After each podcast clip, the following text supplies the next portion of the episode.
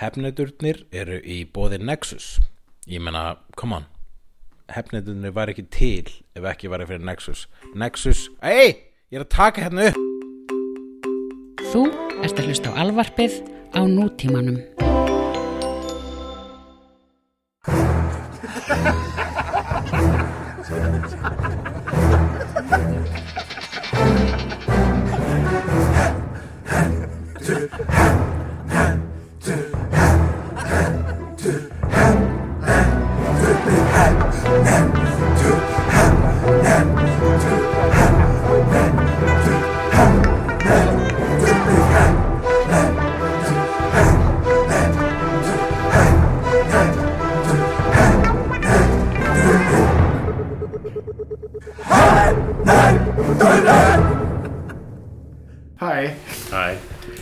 Með titil á þáttinn strax nú já. vegna þess að, að, að viðfangsefni þáttarins verður svolítið fókuseraði í, í dag Nú er það, erum við með fókusera viðfásefni? Já. Ég fekk ekki memóið. Vístu tölum um því gær Hvað voru aftur að tala um? All about Hulli All about Tulli, já, vöð Veistu hvað, ég, ég var bara stein gleyma því Veistu hvað, ég var bara að plana Hvað? All about Ævar uh, Já, já, vegna þess að ykkur sagði að við ættum að tala um hvað, hérna hvernig er að framleiða? Já, það er bull, ég nenni því. Ég er að tala um að tala um- skrifa, að skrifa. Það er bla bla. Ég, hefna, ég frekar að hugsa um hérna, það að þú ert að fara að frumsýna fyrsta þáttin í Hulla sísum 2 Já, og það er hvað, bara 50 daginn ég er að fara að hann á morgun miðugudag Já, ég er að fara þangað að fylgjast Ja. með En uh, ég verður að hryggja um því að uh, ég gat ekki náð uh, karaoke herbyggjunu á húrra Fyrir það? Hún sem er langt að halda upp á það með karaoke eftir á. Uh, Vegna þess að það er Upptekið? Nei, það er vegna þess að það er tónleikar á efri hæðinni. Eee með hljómsveitinni Amínu Já, og ert ekki fara að trubla Amínu með eitthvað svona Just a small town girl living in a world Það byrja allir alltaf hátt. Uh, En já. En já, já, ég veit ekki hvort að segja þetta að finna hana á kariki en ef svo er hægt þá get ég varlega gert henni góð skil. Já. Hva, Er þetta rétt hjá mér að þú veist Hulli season 2 premiere sé að núna bara á 50 Já, vi- já það var er nákvæmlega sem við vorum að segja nú Já. rétt á hann Svo áður en við förum alveg að kafi það Mhm. þá vil ég bara uh, benda jarðabúum á það að kíkja í kvöld á húrra klukkan 8 sem að við hulli ætlum að sína Miami Connection Já, í kvöld, þriðudagskvöldið 22. februar sem að er uh, örglan bara rétt bráðum ef þegar þið eru að hlusta þið gall hörðustu Já Ef, að- ef að þú mistir að memóinu þá töluðum við um þetta nú reyndar í tveimur þáttum á undan Já, ég veit, ég misti ekki að því memói Já, ég er að tala um fólki sem að þú veist, er að hlusta á þetta núna Já. og klukkan er kannski orðin þú veist, tíu á miðvikudegi. Klukkan er orðin tíu á miðvikudegi. Uh, Þú ert að missa af.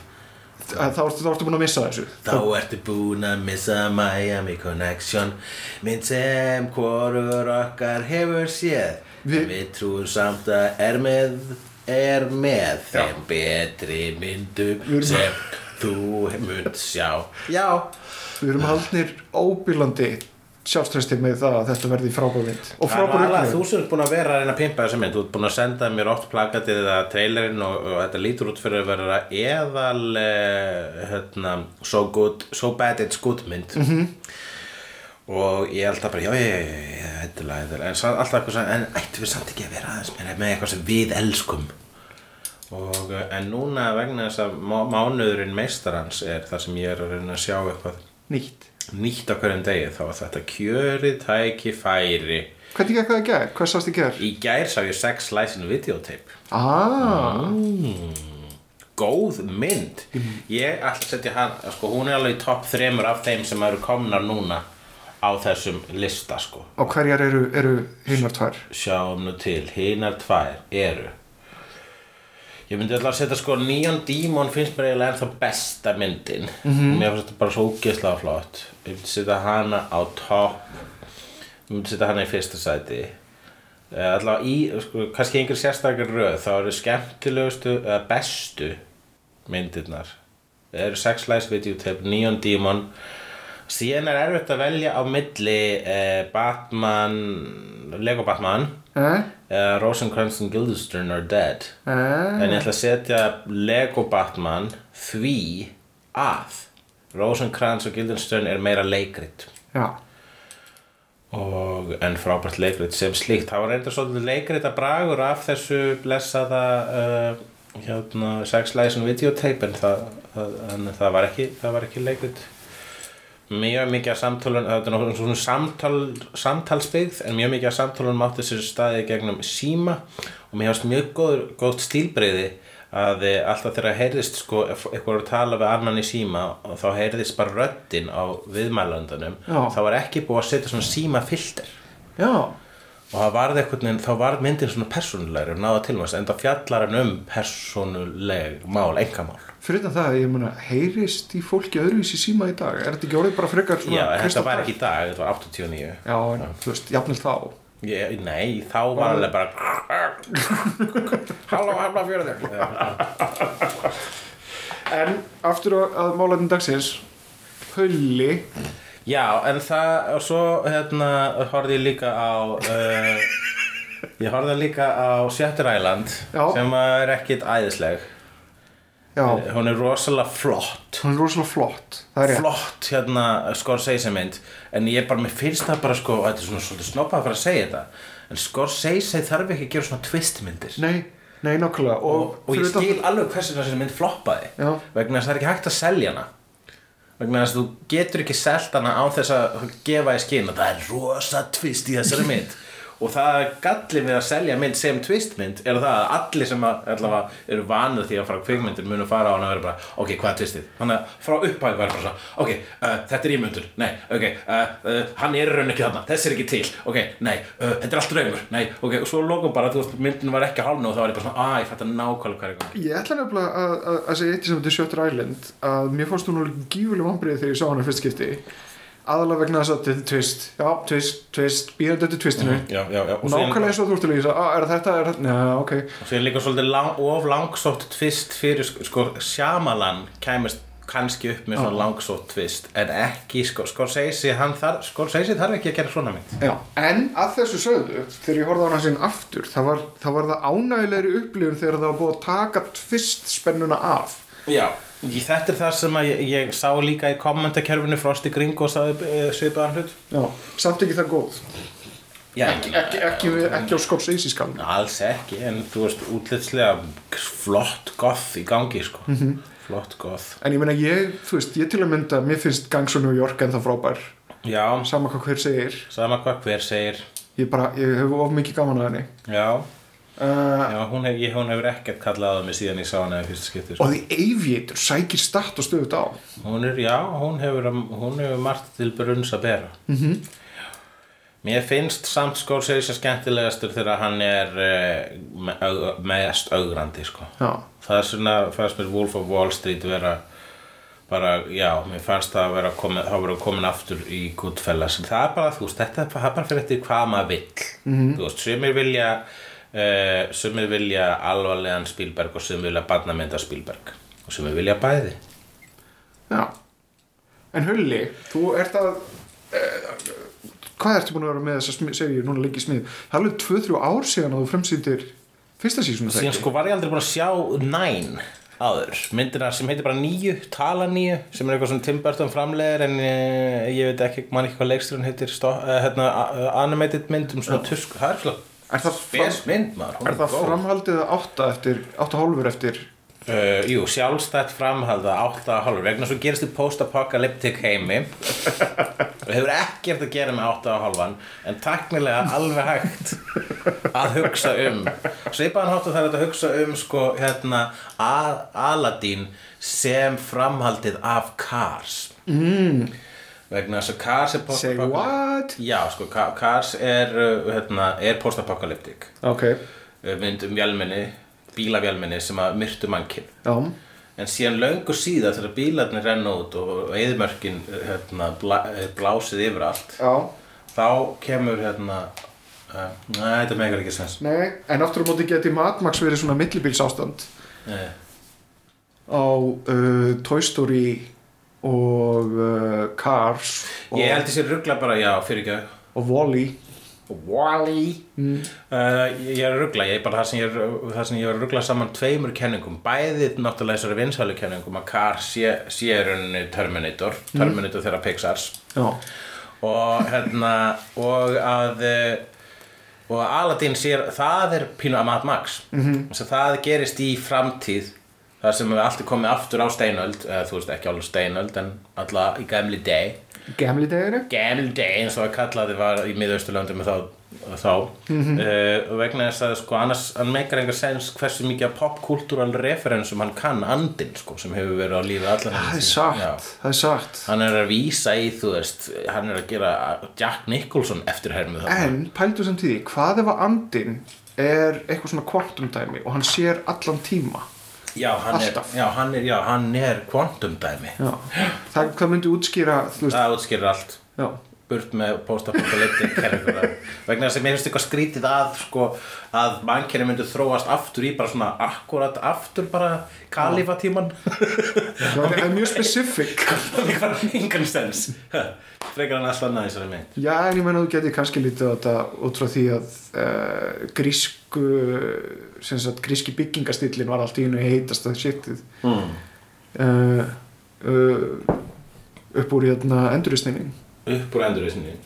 Já, það er rétt hjá þér. Já, ég veit ekki já, já, ef við ætlum að fara bókstælega út í það þá er náttúrulega mjög yktur stílinn þarna sem miða austurleski stíl hann er svona teiknimyndilega yktur en ég gerir bara ráð fyrir að það vera vegna þess að þetta var teiknimynd. Já, en er það kannski bara vegna þess að þetta var er, er post-apok og uh, það er verið það, þetta er búin að ná, þessi stíl er búin að ná einhvers konar endur nýjun lífdaga. Mm, mm. Og, en með nýjum blæ svipað og allt sem að þróast í hann, spíral. Ég held að andinn sé kvantum, ég held að það sé betri. Já það er miklu betri kenning. Hann bara, hann, hann sér tíman bara uh, tíman og pumpa? ekki sem línulegan, hann sér hann alltaf allan. Tíminn er pumpa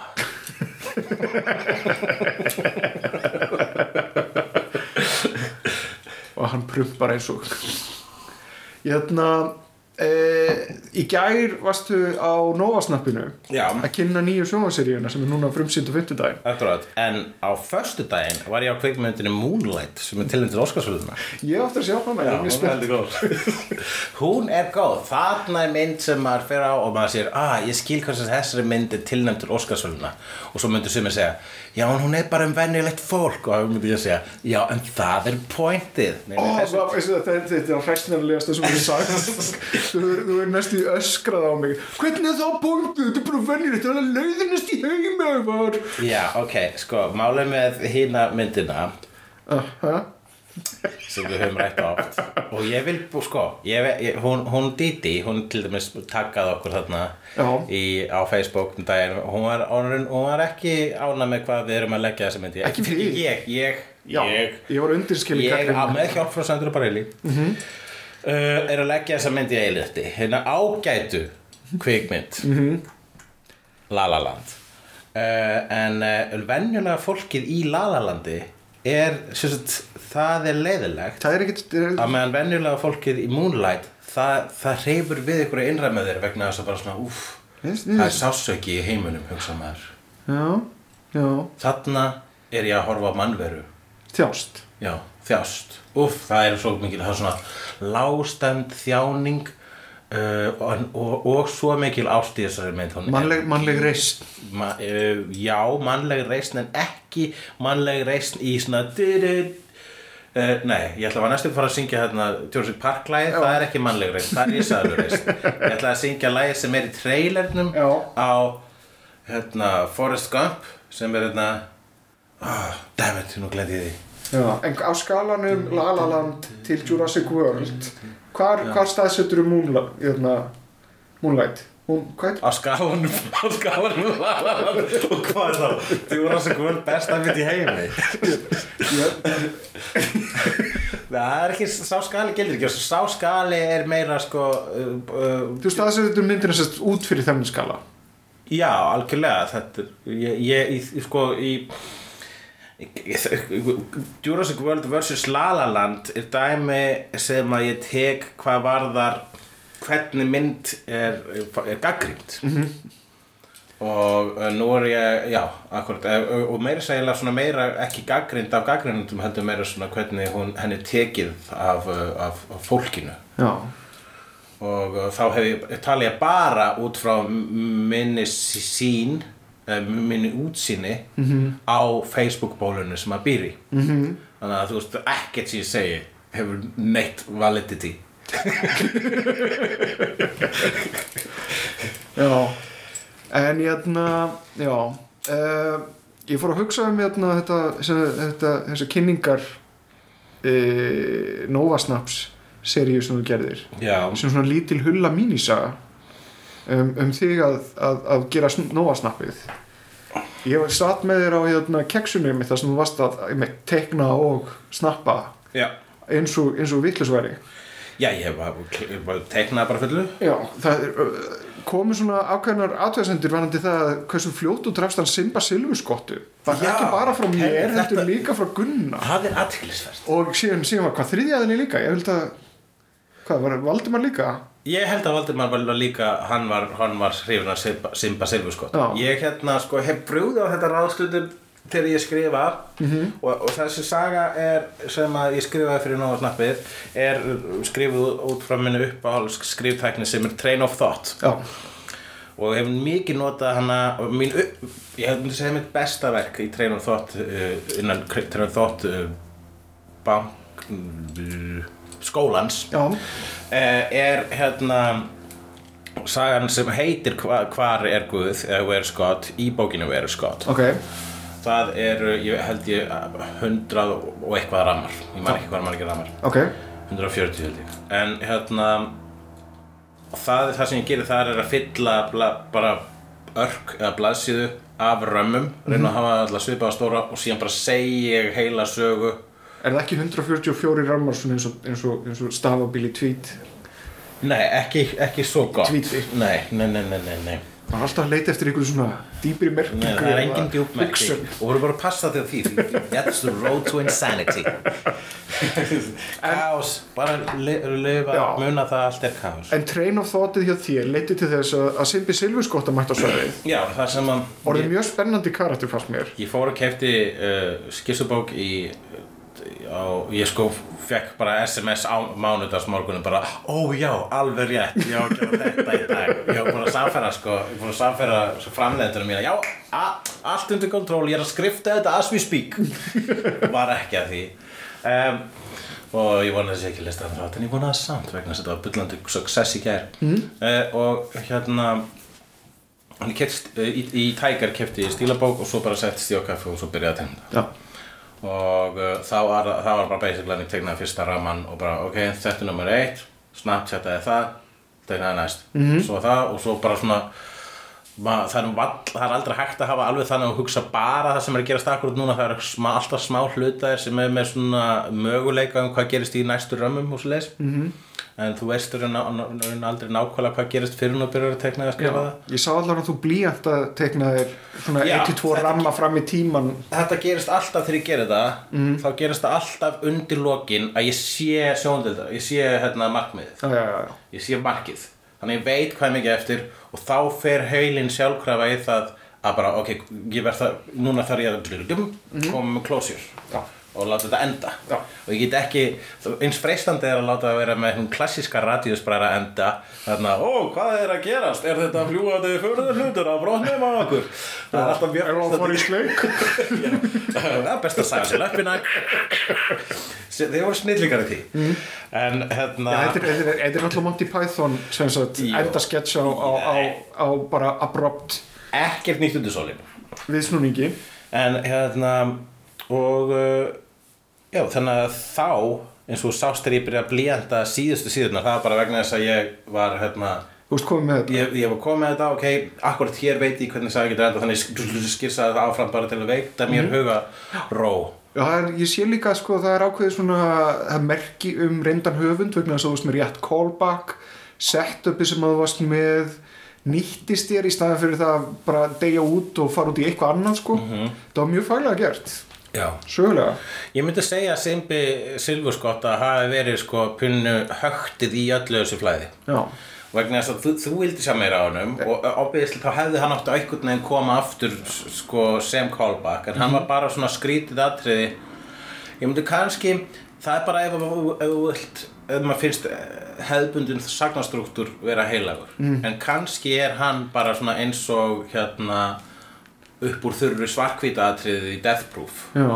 þú veist bara En hvað ef- setja hann bara af því bara. Hvað ef að til dæmis skilur svona þúsund börn Simba Silfurskottu hefur komið til þess að ráðast á þig í hemd fyrir föðu sig Ah, það hefði verið góður endir Ó, núna mun ég segja aftur því að ég En hérna, já, en það, það var bara svona hull, byrjar þetta á því að Hulli er að fatta að hann þarf að gera nóg á snappið og er að hringja í hérna, bergljótu og byggja hann um ráð og meðan hann er að pissa í kljóstuð, pissa smá út af og við sjáum síðan að þarna, sem er allt mjög dæmigjart sannsögulegt fyrir utan að Bergljótt er ekki raunverulega en já, fyrir utan að ég, já, og, en er að segja, ég sé alltaf að pissa út af? Nei, ég er að tala um það að þú fjallar svolítið um sjálfan þig uh, af, af, af uh, anstíkilegri einlægni Já, en það er bara vegna Þú- þú málar þig ekki-. Þú málar þig ekkert Þegar alltaf. Sigur hann ekki samþykkt þetta fucking pitch. En þú málar þig ekkert alltaf alltaf í fe, fe, svona feðrustu lítunum í, í hullaþáttunum. Hvað maður að gera? Á maður að vera eins og gilsin ykkur að segja ég er frábær. Það, það bara einfallega virkar ekki. Honum til tekna samt ég menna hann um leið hún er að segja hans í frábær í þáttunum til Eða dæmis. veist fólki sem skrifar hann. Já, eða fólki sem skrifar hann. Mhm. þá, jötna, þá er það oft með svona ákveðni kaltæni það er er svona pínu það I call bullshit on that one. Ef það væri kaltæni þá hefði menni sem ég fatta þá kaltæni ég skil þig. Sko, ef, ég mun aldrei kalla neitt af þessu gilsin eitthvað dæmi snild fyrir en að hann rennir niður rennilás niður eftir andlinu sínu og þetta var allan tíman Egil Cybersjón með stærsta fokkin gjörning í heimi. Þá myndi ég vera bara ég er ekki gilsin ekki, ég er Simbi Það er, þú veist, kaltænin, sko, þetta var sem að var alltaf máli með hann, að það var, sko, ef þetta var kaltæni, ekki láta, ekki láta þetta samt fara að snúast um, um, um Hey. gilsin ekki þetta, þetta, þetta, þetta er trein og flott. þú veist, hvað er langt síðan að gilsin ekki er búin að vera einhvern veginn alveglega í, sviðsljósinu Hann, hann er... Uh, let go. Já. let it go Já, ekki, go. Ekki, ekki halda og getur afvegalegt með, með því að syngja þetta lag. Nei, það sem ég er að segja, þar var sko kaltænin... Uh, ekki til, það var kaltænin ekki svo veist, það var ekki sjálfsfyrir hvernig myndur segja að það hafi verið kaltæni Í- finnst honum Ertu að tala þú um gilsin ekki? Já, ég er að tala um það vegna þess að þetta snýst líka um mig Ég er að segja að hann, hann sagt uh, á köplum málar sér svona hallarinslegu ljósi uh, og spilar sem sagt á þessa ímynd. Ég meina ef þú skoðar þetta mynd, þessi tónlistamyndbönd sem hann gerir þau eru asnaleg Já, það, en það, er, kemur það er ákveðin þessu. Það er svona eins og hann gangi inn í kultúrin svo sjálfviljur að þetta verður parodía Já, en það er samt alltaf þetta ég er frábær dæmi. Það er samt alveg á köplum þar sem að hann svolítið leifir leifir sem sagt hérna, því að vera hallæðslegt Ég eða þá bara mér finnst það að vera hallæðslegt þannig að ég held að það sé ekki svo úthugsa sko. þetta er á fyrsta lagi allt sem ég séð með þessum manni er búið að gera áður oft Mm. um mörgur sinnum og, og, og freka gamalt sko. En e- eins og ég minnist á áður þá er náttúrulega hann ekki búin að vera e, með neina þætti í sjónvarpinu en þú ert reyndar með þætti í sjónvarpinu núna á 50 daginn Hulli, season 2 sem ég er búin að hlaka mikið til að sjá. Já, uh, en hvað er að frétta að stælu Blomqvist?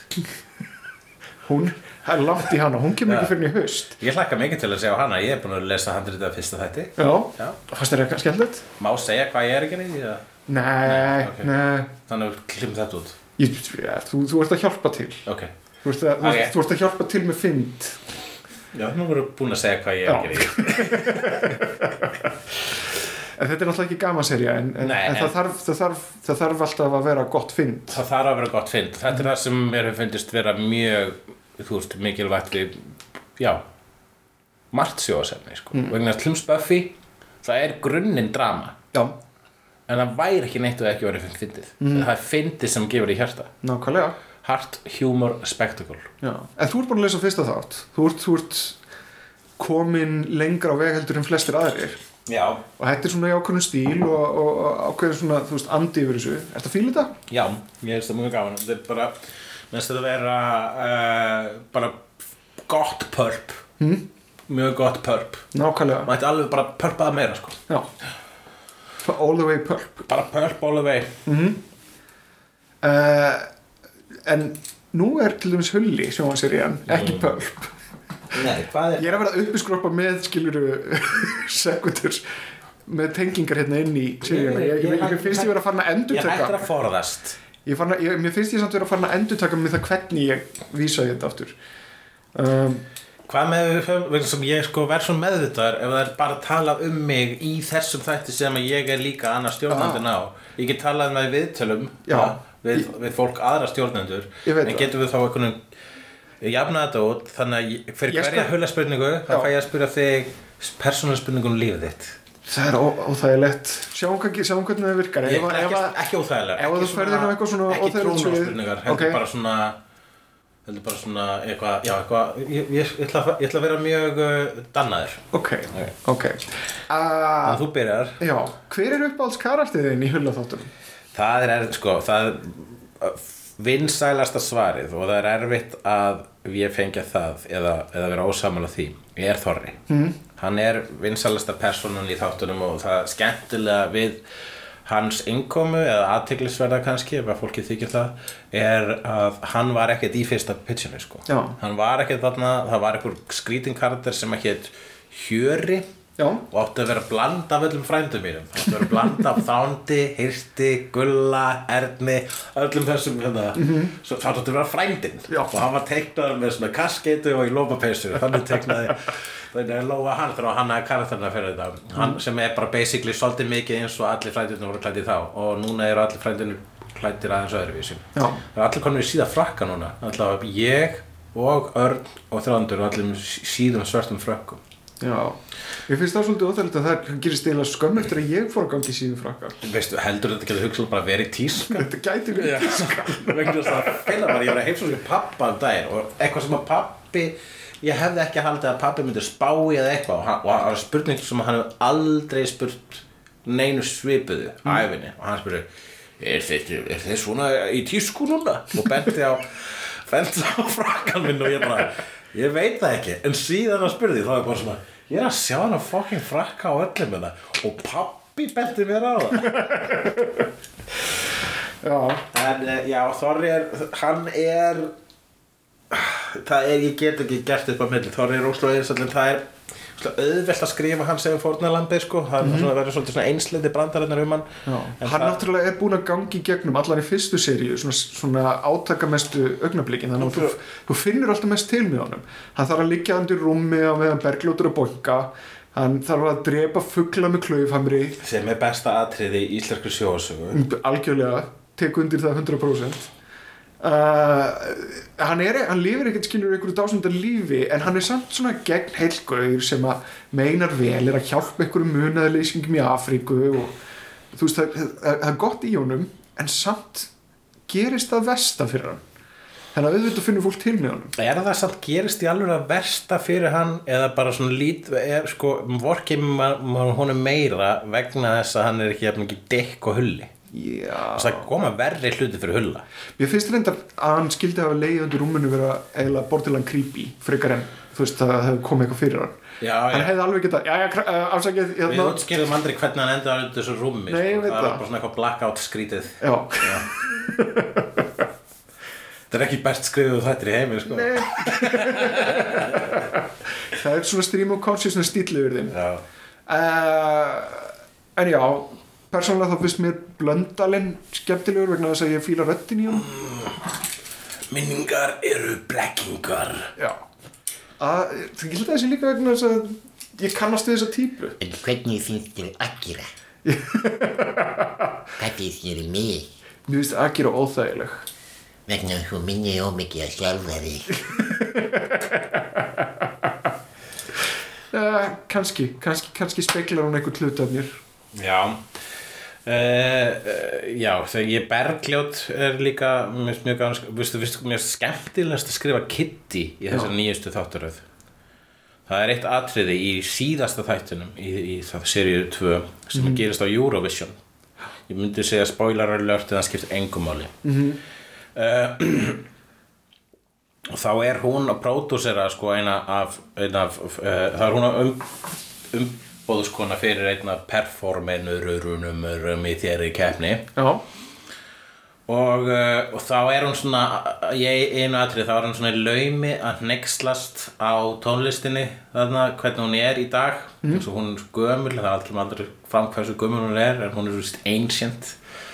Og, og hérna og hún segir línu sem mér finnst ógeðslega fyndin, ég veit ekki hvort aðra finnst fyndin. Ég man ég hló bara, þú veist, þegar annars var var að lesa hana, sem er bara svona uh, maður skilur ekkert í þessari tónlist í dag. hvað var um alvöru tónlist og svo Messoforti og Riksjó einhverjum hluta vegna finnst mér þetta finnast að lína í heimi. Mm, að þessum ágættur hljósutum ólastöðum já. Það, Þetta gefur til kynna að uh, Kitty sé svolítið svona eins og uh, hvað heitir hún í Absolutely Fabulous? Jú, Kitty er pínu eins og Patsy, það er rétt. Allan sé ekki pínu undir áhrifum frá Patsy. Hún er er svona- mikil drikkukona, það tekur allt dóp sem hún, kemur, hún kemst nálagt stílísk og, og svona. Og, og, og maður veitur um ekki hversu gömul hún er. Guð mig góður, hún er alveg svo fucking Patsy nema hún á bann sem Já. hún skítrætt við, það er eina. Sem er antikristur. Sem er, er bókstælega antikristur. Já. en já, þannig að uppáhaldskarættiðin Kitty. Slash er. story. Eins Já, og er að Kitty. Sko. alright, ok, Ævar. Já. Fyrstu kossin. Ertu að minna uh, tunga. Tunga, fyrst, fyrsti, fyrsti svona all-in tungu, tungukoss já, uh, það var seint. Það var já, hérna mjög sent hjá mér líka það var með að við, í ammali hjá vini mínum á dansgólfi á meðan við vorum að hlusta á hérna, Sade syngja hérna úr, úr hérna, Romeo and Juliet. Ó, hvað er glari, ég spurði. Þetta er svona, og síðan svona einhvern veginn hvernig lægi og með Sade uh, Við spilaði í lók þáttanins já, Rómeo Júli eh, og, Það hérna, tala Rómeo plus Júli já, og síðan svona þú veist síðan einhvern veginn var það meðutundin oh shit, við erum, við, erum, við erum í sleik og það er allir að horfa þannig að já. Já, akkurat. Hvað var maður gamall þá? Hvað varst þú gamall þá? ah, ég maður ekki, 18-19 eitthvað Já, það var alveg fyrstu kostið þá. Já, Já, ég var náttúrulega, náttúrulega feimin eins og anskotin ég við erum hefnendur Við erum ekkert einhver early bloomers sko. Þetta var fallegt maður. Ég sé þetta fyrir mér Hvernig var lýsingin? Hvað var svona blöðrur og eitthvað? Það voru blöðrur, það var, var dimlýsing en svona hlý, hlý hérna, kertaljós í Á, kring. áfengi væntulega við hönd? Áfengi við hönd. Varst þú búin að drekka lengi á þessum tíma? Nei, ekki sérstaklega, Nei. Já. 2-3 ára ekkert Þetta var, þetta var já. Uh, Langþráð augnablík mm Minnistætt. Hefur þú rekist á viðkomandi síðan þá? Já, Mm? Hvað gerur hún? Uh, ég veit ekki hvað hann er að gera núna. En ef að þú getur svona ímyndaði hvað hann er að gera hvað, Hún er einhvers staður út á landi að- kenna held ég. Ó, Er það eitthvað sem þú ert bara giska á svona veist, sem að Já, hún er, hún er kennari og Já. ég veit hún út á landi og ég held hún sé þá að kenna út á landi. Væntalega, Já, þannig að þetta er, þetta, er, þetta, er, þetta er alveg ágætis held ég summering hann Ok, En, já. Já, já. Spurðu meira um það Uh, hvernig var að skrifa seríu 2 eftir, eftir að hafa skrifað seríu 1? Auðveldara, erfiðara?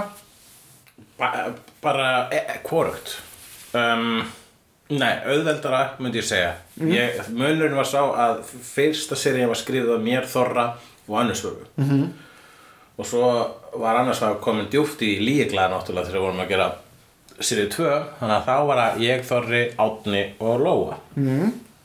Við vorum með skrifherbeggi í RFK Studios og við mættum bara á hverju mótni í man ekki hvað langa tíma hvort það var bara eh, veik, allavega tvær vikur mm. til að hérna, plotta þættina það gerðist bara mikið á sjálfu sér sko Ok, Ég er bara, maður eftir allavega, ég hef verið mjög mikið standandi og þau sitjandi og bara svona kastandi á mig hinn og þessu. Hann, uh, Átni var duglegastur í því að koma með frasa. Ég bara sagði þetta og segja við hann bara, ok, Átni skrifaði bara niður þessa frasa og notum það þegar, að, þú veist, og kastaði þeim fram fyrir að koma í, í upptökuherbyggið vegna þess að, og það sem hann gerði, gerði gerðnar með uh, sinn aðalkaratir Svan, er það að breyta því sem hann var að segja og láta það hljóma meira douchey eða eitthvað svoleiðis. Það er mjög góður í að að búa til douchey frasa hann átni Uh, en, ég, sko, en eins og með í fyrirskipti sem við skrifum þetta man ég ekkit hvað kom, hugmyndir komu hvenar og Já. þetta er rosa mikið bland af okkur öllum all, öll atriðin sko Ég hef alveg verið í kringu það með að þú ert að sem sagt fara í upptökurnar og þá hefur verið að endurskrifa handritin bara grimt Ég endur skrifa Bara öll svona- handritin bara á- nóttina fyrir. Já, nóttina fyrir þannig að það er svona, þau, þau eru skrifuð endurskrifuð þau eru skrifuð þannig að það tekur okkur tíma einmitt negla, þú veist, beat og timing og eitthvað svona, og sem bara hendur því öllu og endurskrifar alveg fyrir tonn uh, í einhverju svona fever dream Já, í einhverju Red Bull rússi uh, nóttina fyrir og fer síðan í upptökur ósofin já, þannig að það verður, það verður þetta öðrlast einhvern öðruvísi brag eitthvað svona meiri spontant skringilegan brag. Já Það kemur í það er bara örvending og fuck it hugsunaháttur -hmm. sem að er alltaf loka sem er loka bragurinn í rauninni. Þegar maður skrifir þetta fyrst svona yfirvegað og, og hendur svo út svona bara þannig að þetta tæknilega virka sem handrit. Þú veist við skiptum handritun á mill okkar við vorum fjögur þannig að hvert okkar fekk tvo þætti til að skrifa. Mm. Og svo fæ ég handritun frá þeim og endur skrifa þau. Bara, skri- bara svona já þú veist eins og ég myndi þú veist bara lagfæ setja ekki um hullavélina eins það er kallað. Og svo og svo endur skrifaði ég í, í þriða skriftið, skiptið. Svo skrifaði þriða skiptið þegar að við erum að fara í, í útsendingu bara daginn eftir. Og svo gerist alltaf eitthvað í upptökunum að það að fólk sé að breyta hinn og þessu leikararnir sem sjá um sína karaktera hugsa þessu svo, neð þessi myndi freka sig eitthvað svona og svo framvegis. Annars var hvað duglegust ja, ha- já, hvað duglegust að improvisa en það var oft bara svona til dæmis að bæta við orðinu fucking já, allt sem að, allt sem að Kitty sagði fucking, þetta er fucking kokkurinn hennar fucking bjarkar. En en lína sem hún sagði sko, hún sagði hverki skrifa fucking í þessari, þessari línum. Og í, ég myndi Júruvísu þættina þá gerast mjög skemmtilega galdur að svona bæti við ok, eftir hver einustu setning og þannig allt í norðan ítalsk hey, þetta er minn, uh, minn, hérna, þetta er minn listamar ok, þetta hlusta mig ok og svona þetta var fyrirlegt og ég bara ok, gerði það alright já ok, þá ætlum ég að spyrja ok. Þig uh, Ævar. Mm. hérna langaði í börn? Já, eitthvað tíman í framtíðin já, það er samt svona, þú veist, það er farið að saxast á síður endan já, saxast á síðar en hvað þýðir það, hvernig er það seint að eignast börn? Í tæknilega séð þegar maður er kallmaður þá er það víst eitthvað meira opið en þegar maður er kona. En ég veit það ekki. Ég það bara eiginlega kemur í ljós. Uh, það gerist þegar það gerist. Já en ég veit ekki, ég held að ég myndi vera bara freka fýtt pappi sko.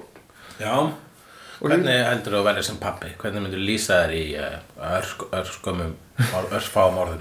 Ég myndi eigða rosalega miklum tíma í það að endur upplifa, eða sem sagt hafa fullkona afsökun til þess að kafa í barnalega hluti sem að skemmta mér. En það er það sem þú ert að gera hvort er. Já ég veit það, en þá hef ég núna þá, nú hef, þá myndi ég hafa, ekki bara afsökun heldur, heldur meiri mótivasjón til þess að finna metnaðarfullur og skemmtilegir hluti. Mm. uh, og líka í mitt þú veist, leita út frá ég meina, eins og krakkar því fíla kvolpasveitina, ég fíl ekki kvolpasveitina hvað er, menn, maður- what the fuck er kvolparsveitin ég er að sjá þetta núna mikið þetta er svona eins og Teletubbies eða eitthvað, þetta er svona, þetta er Teletubbies algjörlega var allavega interesting sko. ég, það var til í einhverju, einhverju LSD móki Já.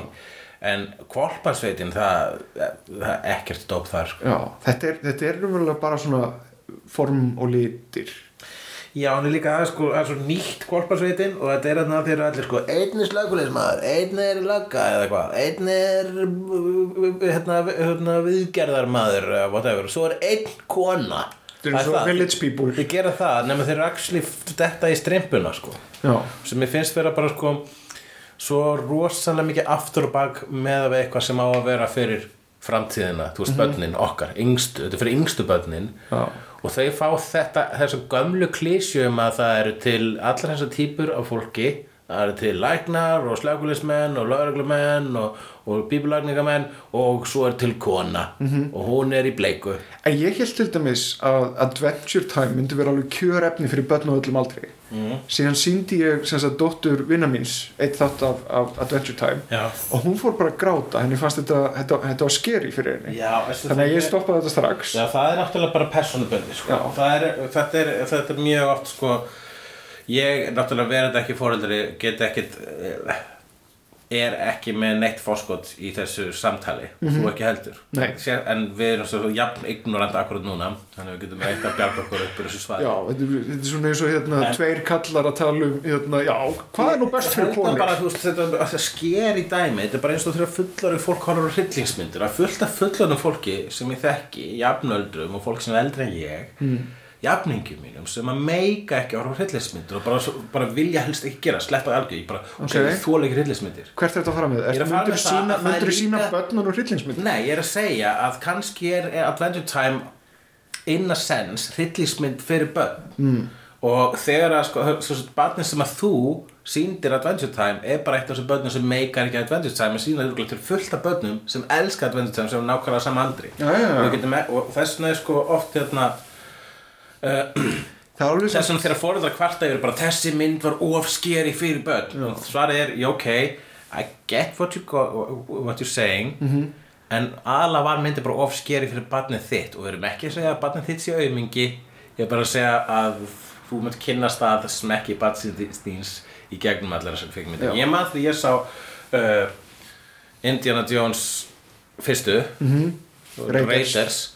Um, sem bara smákrakki. Og hún byrjar með þú veist fucking hérna, morðum og beinagrindum og snákum. Og ég var bara motherfucker þetta ætla ég að horfa á að einu en ég var sko held ég fimm ára. Já, já, Gremlin sagði svona svipið áhrif á mig. Sá Já. hana og bara þetta er málið. Þetta, ég hrættur, þetta er viðráðanlegur ótti. Já, ég bara, já, maður náttúrulega sko var hrættur en síðan sko, og svo vandi maður sig á þetta. Ég man þegar ég horfði á The Fly þú veist, ennþá í barnaskóla, bara ég vissi að ég myndi vera skítrættur, en ég horfði á hana til enda og horfði síðan aftur. Já, vegna þess að eh, bara það er spennandi þú veist. Mm. en já ég, í þessu samíki þá, þú veist já, ég, mér, mér finnst allar tilhugsun um eignastböld spennandi, áhugaverð og uh, geti vel hugsa mér. Mm Hvað, hvort langaði frekar í strákaði stelpu? ha, mér finnst það ósangjart einhvern veginn að gera upp á milli. Já, mér er þetta ósangjart en mér, mér langaði frekar í stelpu. Ég held, ég held líka, já. Ég held að það er allan forvittnilegri heimur einhvern veginn að kynast Já, ég bara nenni, þú strákar er sóþvandi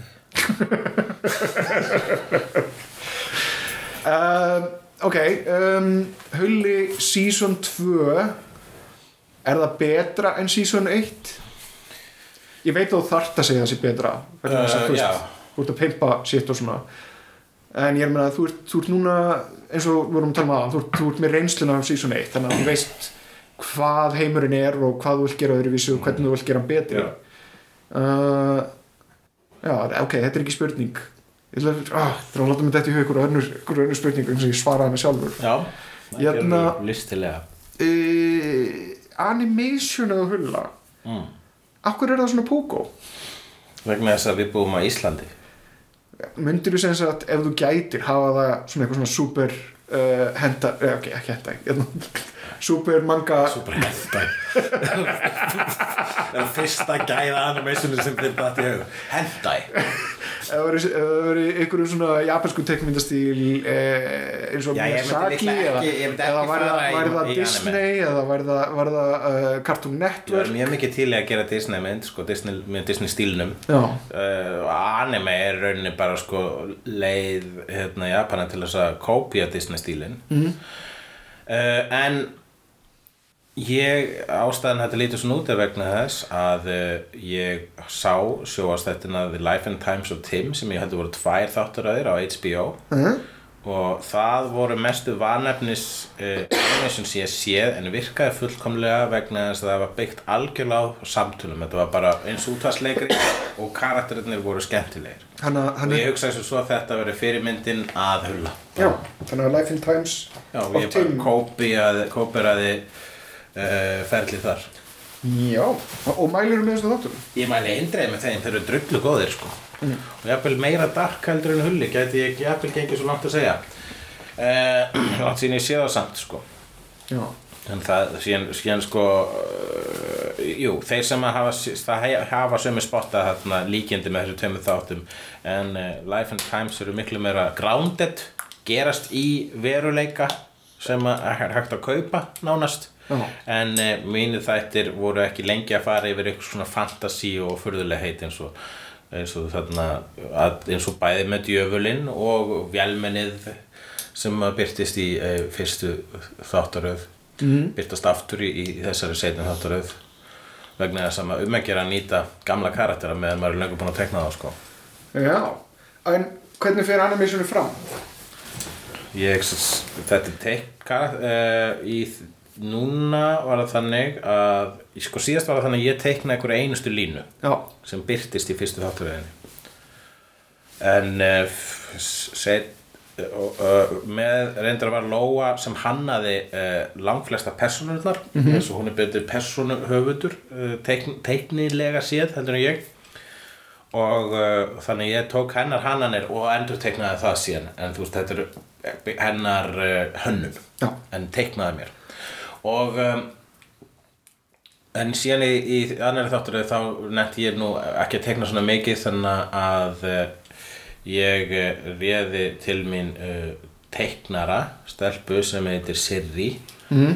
og getið fundið í hérna uh, getið fundið í hún er Sirri Margrét Lárastóttur og getið fundið hana líka á Facebook undir Sirri og Smári. Og hún gerir með manninu sínum helvitur góðar myndasögur. Já, og hérna þess vegna þótti mér hún tilvalin í þetta. Og hún teiknaði sérst bak, alla nýja bakgruna svo hún sérð Ok. í þessari þátturöð eftir hana. En ég teiknaði allar nýja personur og í þetta skiptið var Lóa ekki með í því að hanna þá. Þannig ég þurfti að reyða mig á mína eigin personu hönnun.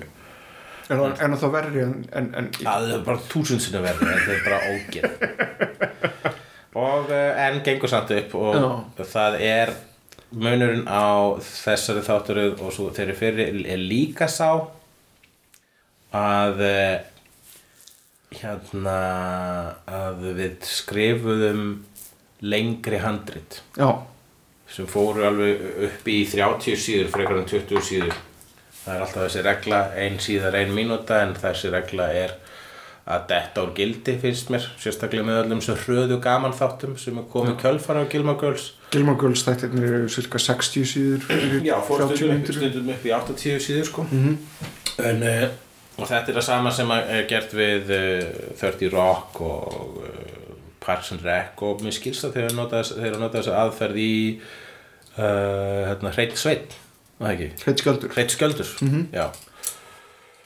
Og sem að ég sá, sá, sá stólu vel á þeim þætti. Þá var allir bara billidum, billidum, billidum bam, bam, bam, bam, bam. Eitt þegar þú gerir þetta samt er það að uh, senufjöldin þarf þá að vera kontrollerari og það þarf að vera lengri samtöl innan hvers senu? Vegna þess að þú, ef þú ert að búa til ótrúlega mikið á köttum ótrúlega mikið af svona ekki köttum eins og í kísum ef þú ert að klippa mikið á milli sena til dæmis þá, þá, jötna, þá er mínútulengdin það þýðir setup á uh, kveimdatöku uh, krúi og nýju locationi sem er ógæslega dýrt að fara Já, með fólk já, að mynda það staða skiptir ekki raskat málið um að gera hulla en í animishunni Það er að skemmtilega við að gera hulla og animation mm. -hmm. vissulega þá þarf, er fyrir vinna í það að tekna nýja atriði en þú þarft ekki að fara á eitthvað stað og þú þarft ekki að, þú veist, og, svo er einmitt bara location að misdýrt að taka upp á mismunandi locations. Er það rétt skiljið þannig mér? er bara er það rétt skiljið mér að þú veist ok, þið, þið skrifar handrit dialóg er tekinu upp síðan er það storyboardað með dialóg síðan er það animerað. Já, sko, áður en að ég svara því þá langar að spyrja þig uh, hvernig er samband þetta við fóreldra þína? samband mitt við fóldrarinn er bara mjög gott. Já. ég er elskaði drengur. Já, ég veit það. Það er svo fallið þegar, þú, þegar þið sóttu mig þannig meðanótt -hmm. og þá var ég nýkomin úr uh, orgíu. Nei. Ekki orgið Aha. Nei, það var bara pínu eh, partí að hjá, eða þú veist, ekki eins og partí, það var þessu, mm -hmm. þrjú. Kaupstaðarlykt Það var kaupstæða líkt af mér. Og um, og uh, og uh, já uh, hérna allavega það, mér finnst nefnilega fyndið mér, ég, ég finn fyrir ákveðinu skömmustu tilfinningu um það að fóreldra mínir bjóðast til að skutla mig upp á flugvöld Já. um miðanótt Já. þegar að þú ert gaurinn sem að röldir út með kaupstaðalyktina tvær stelpur í eftirdrægi og svona rock'n'roll situr einhvern veginn bakbókanu í skottið og býður síðan um far fyrir eina stelpunum sem að var hjá þér sko, ég, en ég og ég, okkur líður mér eins og ég sé svona það var, þú ættir ekki að skafast þín. Ég var bara, að það var bara það, var eitthvað svona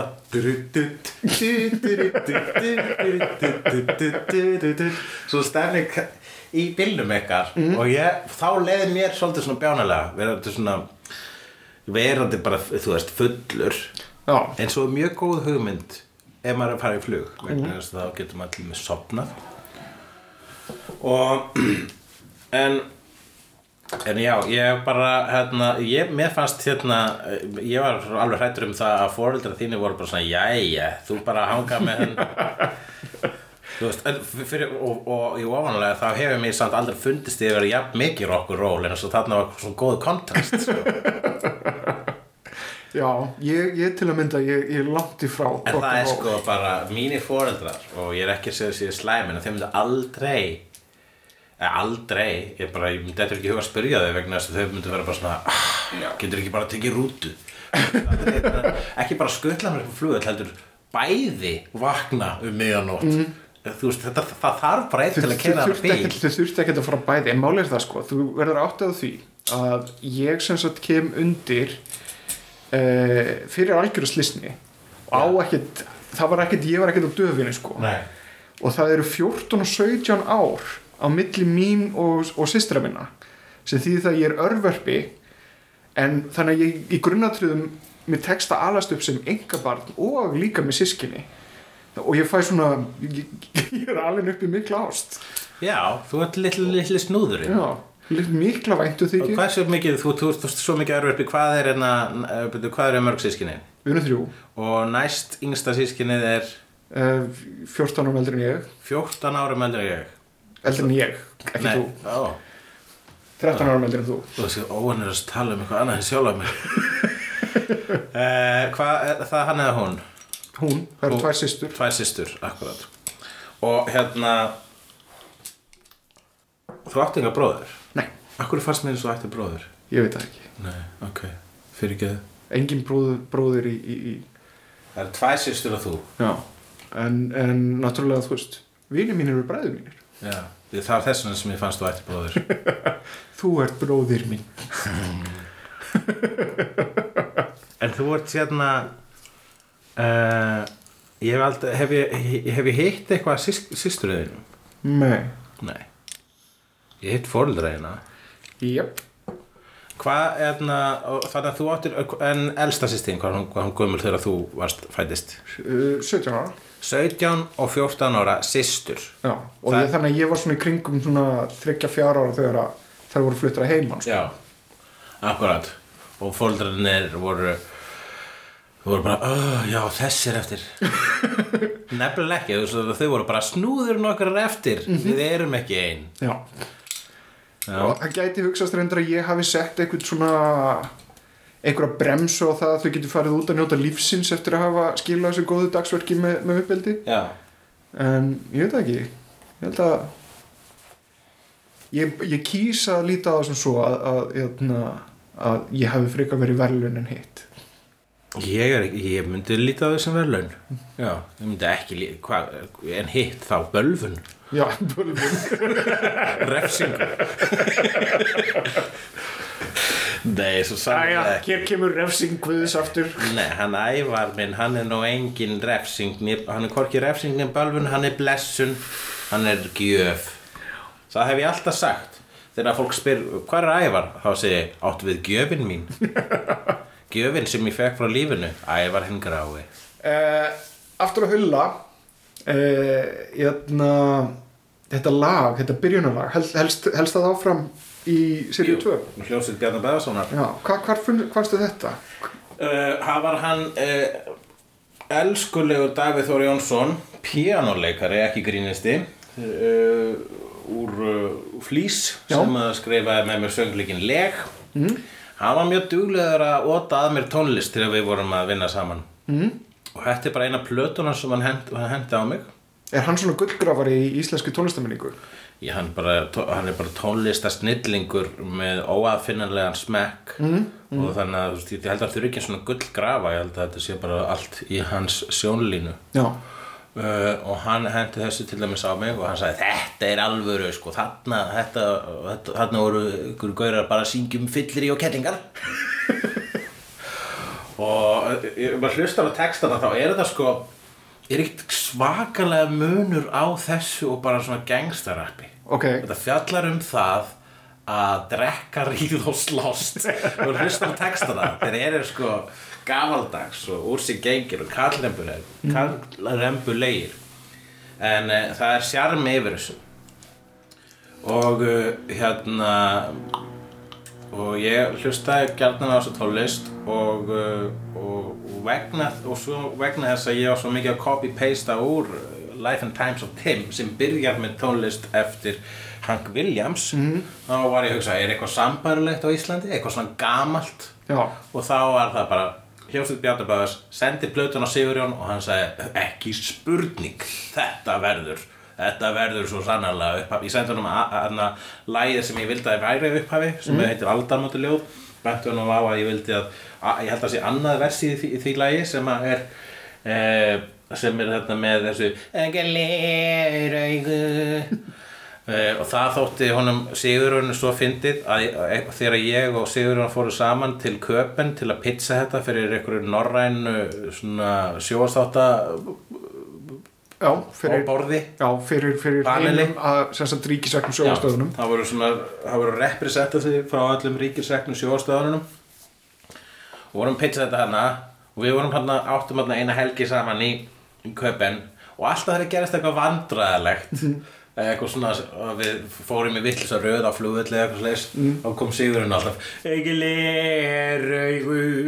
og þá vorum við að spá sko í að alltaf þegar eitthvað svona dú-bú-dú eitthvað svona ue, ue, kemur fyrir hulla þá myndi bara koma ekki leraugu en við sleftum písi hann á lókum vegna þess að trublaði peysi í þáttunum Já. En, hérna, en tónlistin í þáttunum, hver sér manna? Það er bara Það, er bara þetta? Það er bara, þetta er, ein, þetta er bara heil plata sem heitir útvarsperlur Já. Nei, ég fór að hugsa um sko vegna þess að þú ert með Eurovision þátt núna. Já. Þú hlýtur væntilega að hafa einhver Eurovision lög Já, þessu. það eru sko, frumsamin tónlist í þessu þáttum eins og til dæmis uh, frægastalega og fyrstu þáttaröðin er að Ó, hvað ég gera nú, ég finn engan til að barna mig Geðveikt lag. Barna mig uh, Það þegar ég hérna, við vorum að taka upp þættina. Þá voru mjög mikið ákvarðan teknar rétt fyrir rétt ára en var uh, andað í mikrofónin. -hmm. og og það, við vorum alltaf með svona skemmtilegt svona plott svindl með því að láta Lóu, þetta gerist eitthvað tvisvar tvisvar þáttunum í fyrir þáttunum allavega láta Bergljótu syngja það sem er að gerast eitthvað og nú er ég hér í bíl að bíða eftir að Þorri kemur aftur eitthvað svona. Og og ég hérna þegar ég gerði þetta hvað ég að gera nú ég finn eitthvað til að barna mig þá sagði ég bara, heyrðu, syngdu þetta bara eins og hafið bláða hafið. Og hún bara, hvað að ég að gera nú? Ég finn enga til að barna mig, seg, seg, eitthvað svona og þá heyri ég svona í úr hljóðstúdíunu þá Sigur Jón hérna að fylgjast með bara heyrðu ég er að fletta þessu upp þetta lag er í eigu bla bla bla og kostar blí blí blí og bara ok Lóa bullaði bara eitthvað sem er náttúrulega miklu betri hugmynd Nákvæmlega. vegna þess að hún er vön popsöngkona Og líka bara svona kreatífur húksmiður. augljóslega vegna þess að hún bara í fyrstu tilraun kom með þetta. Ó hvað ég gera nú? Ég finn enga til að barna mig barna mig. Og þá kemur hún Tussan, hún Kitty og Stilli fram með gæjanum gæjanum. En hei, ég var að fá geðið góðu hugmynd hann Þorri er alltaf skotinu mér og hann getur komið og barna mig og frjókað ekkin mín með glæsi brag og hann Friðrik Sturluson.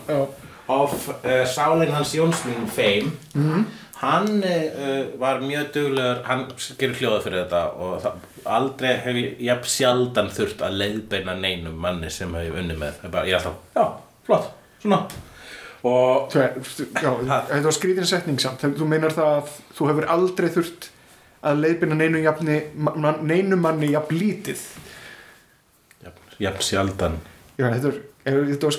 Já, það er skrýtnar að segja sjaldan Jafn lítið Já, uh, og vegna þess að hann var bara alltaf með þetta á hreinu og líka hann var svona frábær frumkvæði þannig að hann setti bara svona, hann bara setti tónlist undir söngin hennar lóu á þess að ég haf noktum beðin um það og, hann, og alltaf besta í hljóðunum finnst mér vera það sem ég baði hann ekki um -hmm. sem að þýðir að ég sé annarkvort mjög auðvelt að vinna með leikstjóri mm. sem er bara já flott hugmynd bara svona en ég er þannig ég fer, ég er, það er eitthvað leikstjóri sem er svona minn kennari svona andlegur kennari þá er það að þú veist sem er fyrirmynd. Þá er það uh, hann Roger Corman. Já. Sem Just bara, use it, já, flott, flott, great. gott, gerum þetta svona flott. Þetta selur, fólk hefur rúglega gaman að þessu.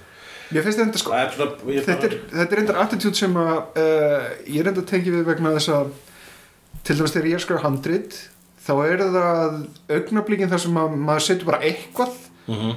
uh, og finnur svona litla slísið sem er betri en það sem mann hefði dott í hugum að hefði verið að plana. Það. algjörlega planið er líka bara það er veldur kvíða. Bara, ó, þetta er ekki eins og, já, hugsa það sínin mín, sínin mín. En svona, sko þetta er bara, ég sé, líta á þetta sem bílskúrsband. All, all svona, bara sam, allir sem ég vinn með þessi hulla samfélag þetta er bílskúrsband og við erum að prumpa út einhverju shiti og það verður örgulega rispað og það verður örgulega mistök í upptökunni og einhver rópar þarna en það er hlut af þessu. Misföllunar eru karakter. Algjörlega. Það er meira þess að sko, hérna, það var oft í þegar vorum að setja animationi þá sást svona blíjantstrik á einu stað og bara svona, hvað er þetta, á þetta vera hérna? Og ég bara, já.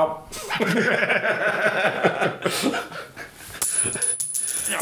Um, Já, hörðu, en Ævar? Já, um, segðu mér hvenar fórstu síðast að gráta?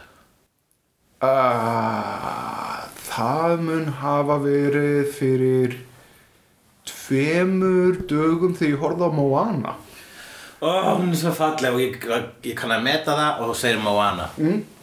ég, Þegar ég kaupa hana Blu-ray ætla ég að kaupa bandarísk útgáfuna -hmm. Þetta Vajana trubla mig já, Já, bara vegna þess að ég veit að það var orginal titill hana -hmm.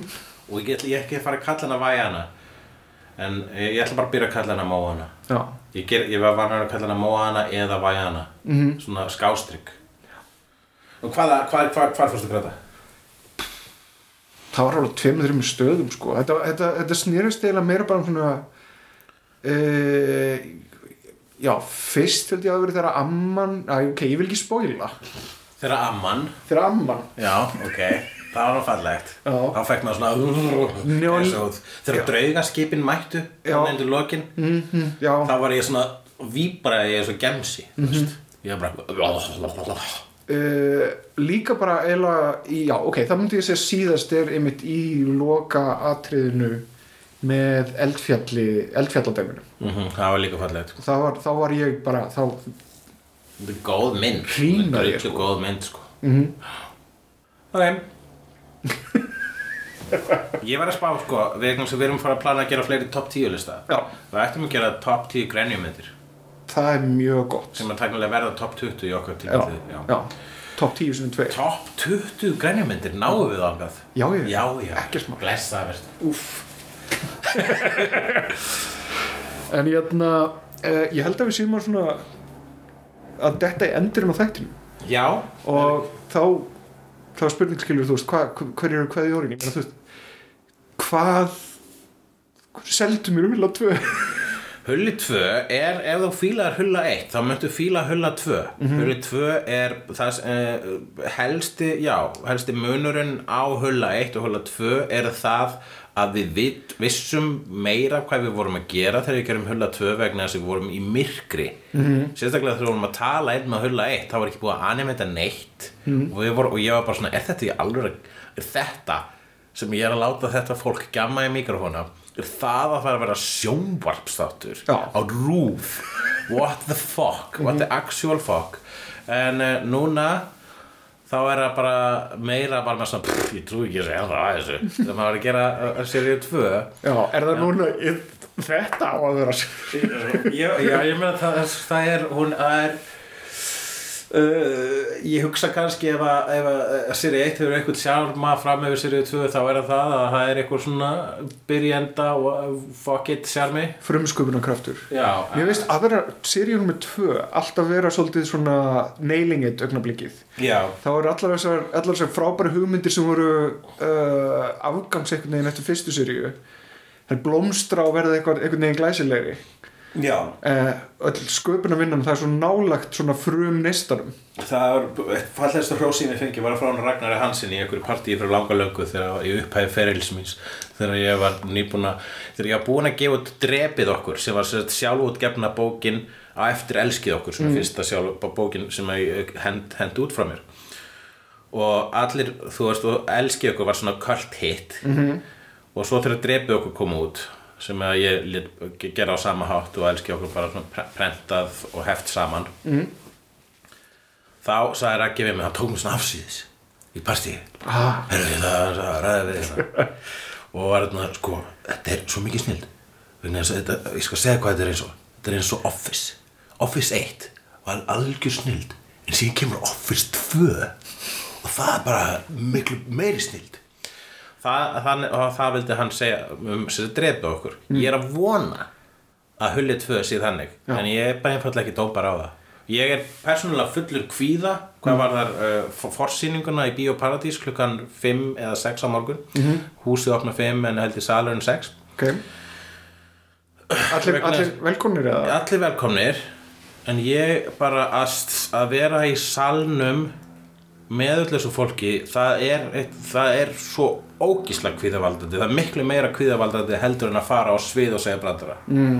Minnst, þá er ég allavega þá er ég allavega með stjórnina eins, það. eins fókt upp og það er en þegar maður er búinn að gera vöruna Mhm. -hmm. og þú presenterar hana þá er of seint að breyta vegna þess að þú ert að sviði getur alltaf breytt á staðnum en að henda sér bara fyrir fram fólk mér, það er bara, þú veist ræpivaldandi Ég held nefnilega að það sé nákvæmlega eina svona, svona sem ég öfunda varðandi stand-upið er það að fá immediate viðbröð við því sem maður er að gera.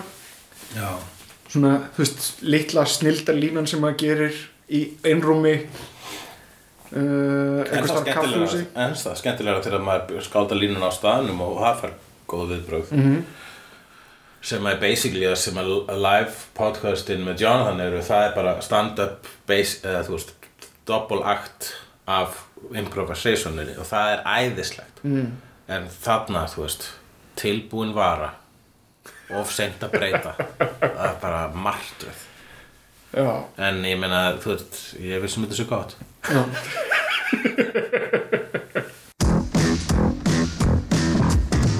Ógnar fjör má alltaf sjá. Í Reykjavík. Á landinu um loftin blá Líka á sænum Hættur og háski Látur og gáski. Hefnendur Í Reykjavík. Hefnendur Í ævintýrum lendast þess Hefnendur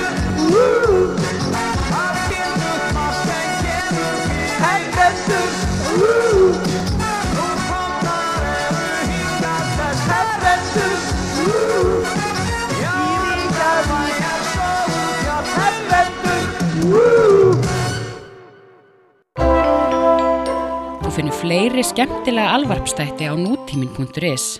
Takk fyrir að hlusta.